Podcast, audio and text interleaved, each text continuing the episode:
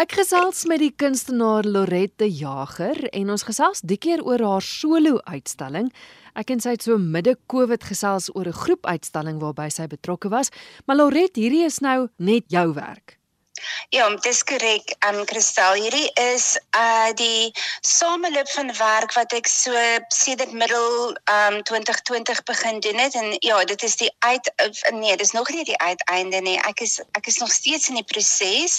Maar hierdie is die ja, dis die body of work wat selfselmatig begin het na afloop van COVID en dit is ehm um, ek dink dit word ek dink as jy dit moet kenmerk of term dan kan jy sê dis deel van wat ons sien as die ecological turn die die um die wat is return die return to nature as ek dit so kan stel. Goed. Want ek het ergens gelees ook in die persvrystelling die verval van die van die van die wêreld of die natuur, maar dis nie noodwendig verval nie. Dis eintlik soos jy sê eerder die omkeer, die die die, die, die natuur wat terugvat. Is ek reg?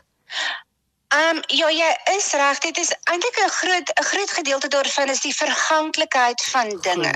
En dis die ephemeral nature of things. En as ons kyk na hoe die natuur werk, is alles verganklik. En ehm um, ons lewe in so 'n kultuur wat bang is om te praat oor vergang en oor die dood en oor jy weet dinge wat nie meer daar is nie. Maar dit is so 'n natuurlike proses en ek dink deur dit terug te eis en dit te terug te eien en te sê, weet jy wat, alles wat op aarde is, vergaan uiteindelik. Maar tog, um wat vir my interessant is, ek sê altyd Lynn Margulis het al in die 80er jare bewys dat elke materiële ding op hierdie planeet was eens op 'n tyd lewendig. Ons rotse was eens op 'n tyd bakterieë.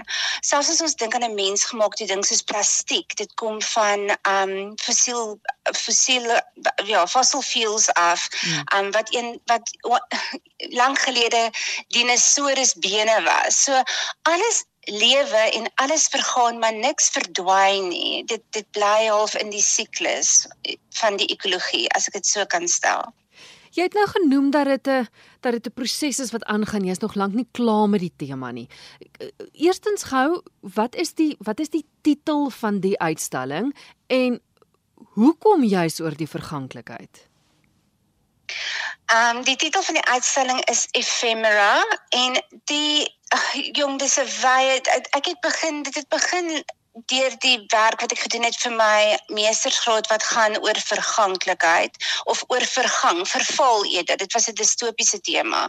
Maar deur my oë weg te vat van die sosio-politiese omgewing en te kyk na die na die omgewing waar die groter omgewing waarin ons leef en waar ons tog almal deel is. Um het ek begin sien, weet jy wat, vergang is deel van die natuur, dis deel van die lewe. Dis nie noodwendig 'n slegte ding nie. En daai proses het my begin fascineer meer. En dan ook daar is so klein um stukkie melkhoutwoud in Hermanus waar ek gereeld gaan um vol raak as ek 'n kans kry en ek het nou so oor die laaste 3, 4 jaar heelwat foto's geneem daar. En dis eintlik waar die begin van my proses lê. Ek neem daai foto's en dan manipuleer ek hulle digitaal en ek bou half 'n utopiese wêreld, 'n wêreld soos wat ons graag sou wil hê die natuur moet wees en behoue bly. Maar ons weet mos dat hier ons menslike prosesse is ons eintlik besig om meer te vernietig as wat ons behou. Um, so ek sien ook hierdie melkoutbome half voor my oë doodgaan en vergaan en ja, so dis 'n dis 'n breë dis 'n 'n veelvuldige tema en 'n breë tema wat ook tog siklies siklies werk. Hmm.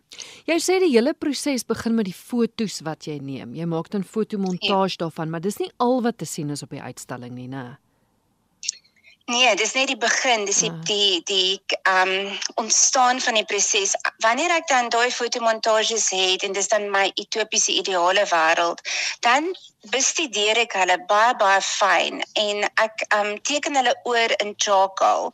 En ek wil as ek twee goed daaroor kan sê uh Mary Oliver is 'n baie baie groot invloed op my denkwyse en die manier waarop ek die wêreld sien. En die wonderlike ding van haar is dat sy um in nou met ek die Engelse woord gebruik sy was so attentive. Um sy sy die wêreld so diep waargeneem en ingeneem. En sy sê in een van haar gedigte instructions for a life is to pay attention, to be astonished and to tell about it. En ek dink dit som my werk so goed op want ek pay attention tot daardie foto's wat ek dan geneem het en dan bestudeer ek hulle so fyn en ek teken hulle in charcoal en dit vat nou weer daai hele verganklikheid 'n stapie verder want ek is besig om die verrottende hout wat ek op die foto's het te teken met verbrande hout wat jou charcoal is ja. op verpulpte hout wat jou papier is. Um so dit dit gee net so lekker lywigheid aan die tema. Ja. En dan laastens skilder ek hulle. 'n Waar skilder jy? Ek skilder in olie op doek en um dis nogal 'n uitdaging om dit so bio-vriendelik as moontlik te hou, maar ek weet dis 'n ongoing proses. Ek het nou my terpentyn vervang met 'n um biodegradable alternatief wat lieflik ruik.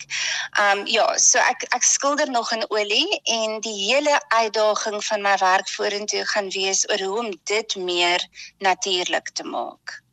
Hoekom wil jy hê moet mense jou uitstalling kom kyk? Um want my werk is soos wat Mary Oliver gesê het om die wêreld lief te hê en om verander te om my liefde vir die wêreld met ander te deel sodat hulle hopelik ook 'n bietjie van daai liefde op hulle eie soortige manier kan ervaar.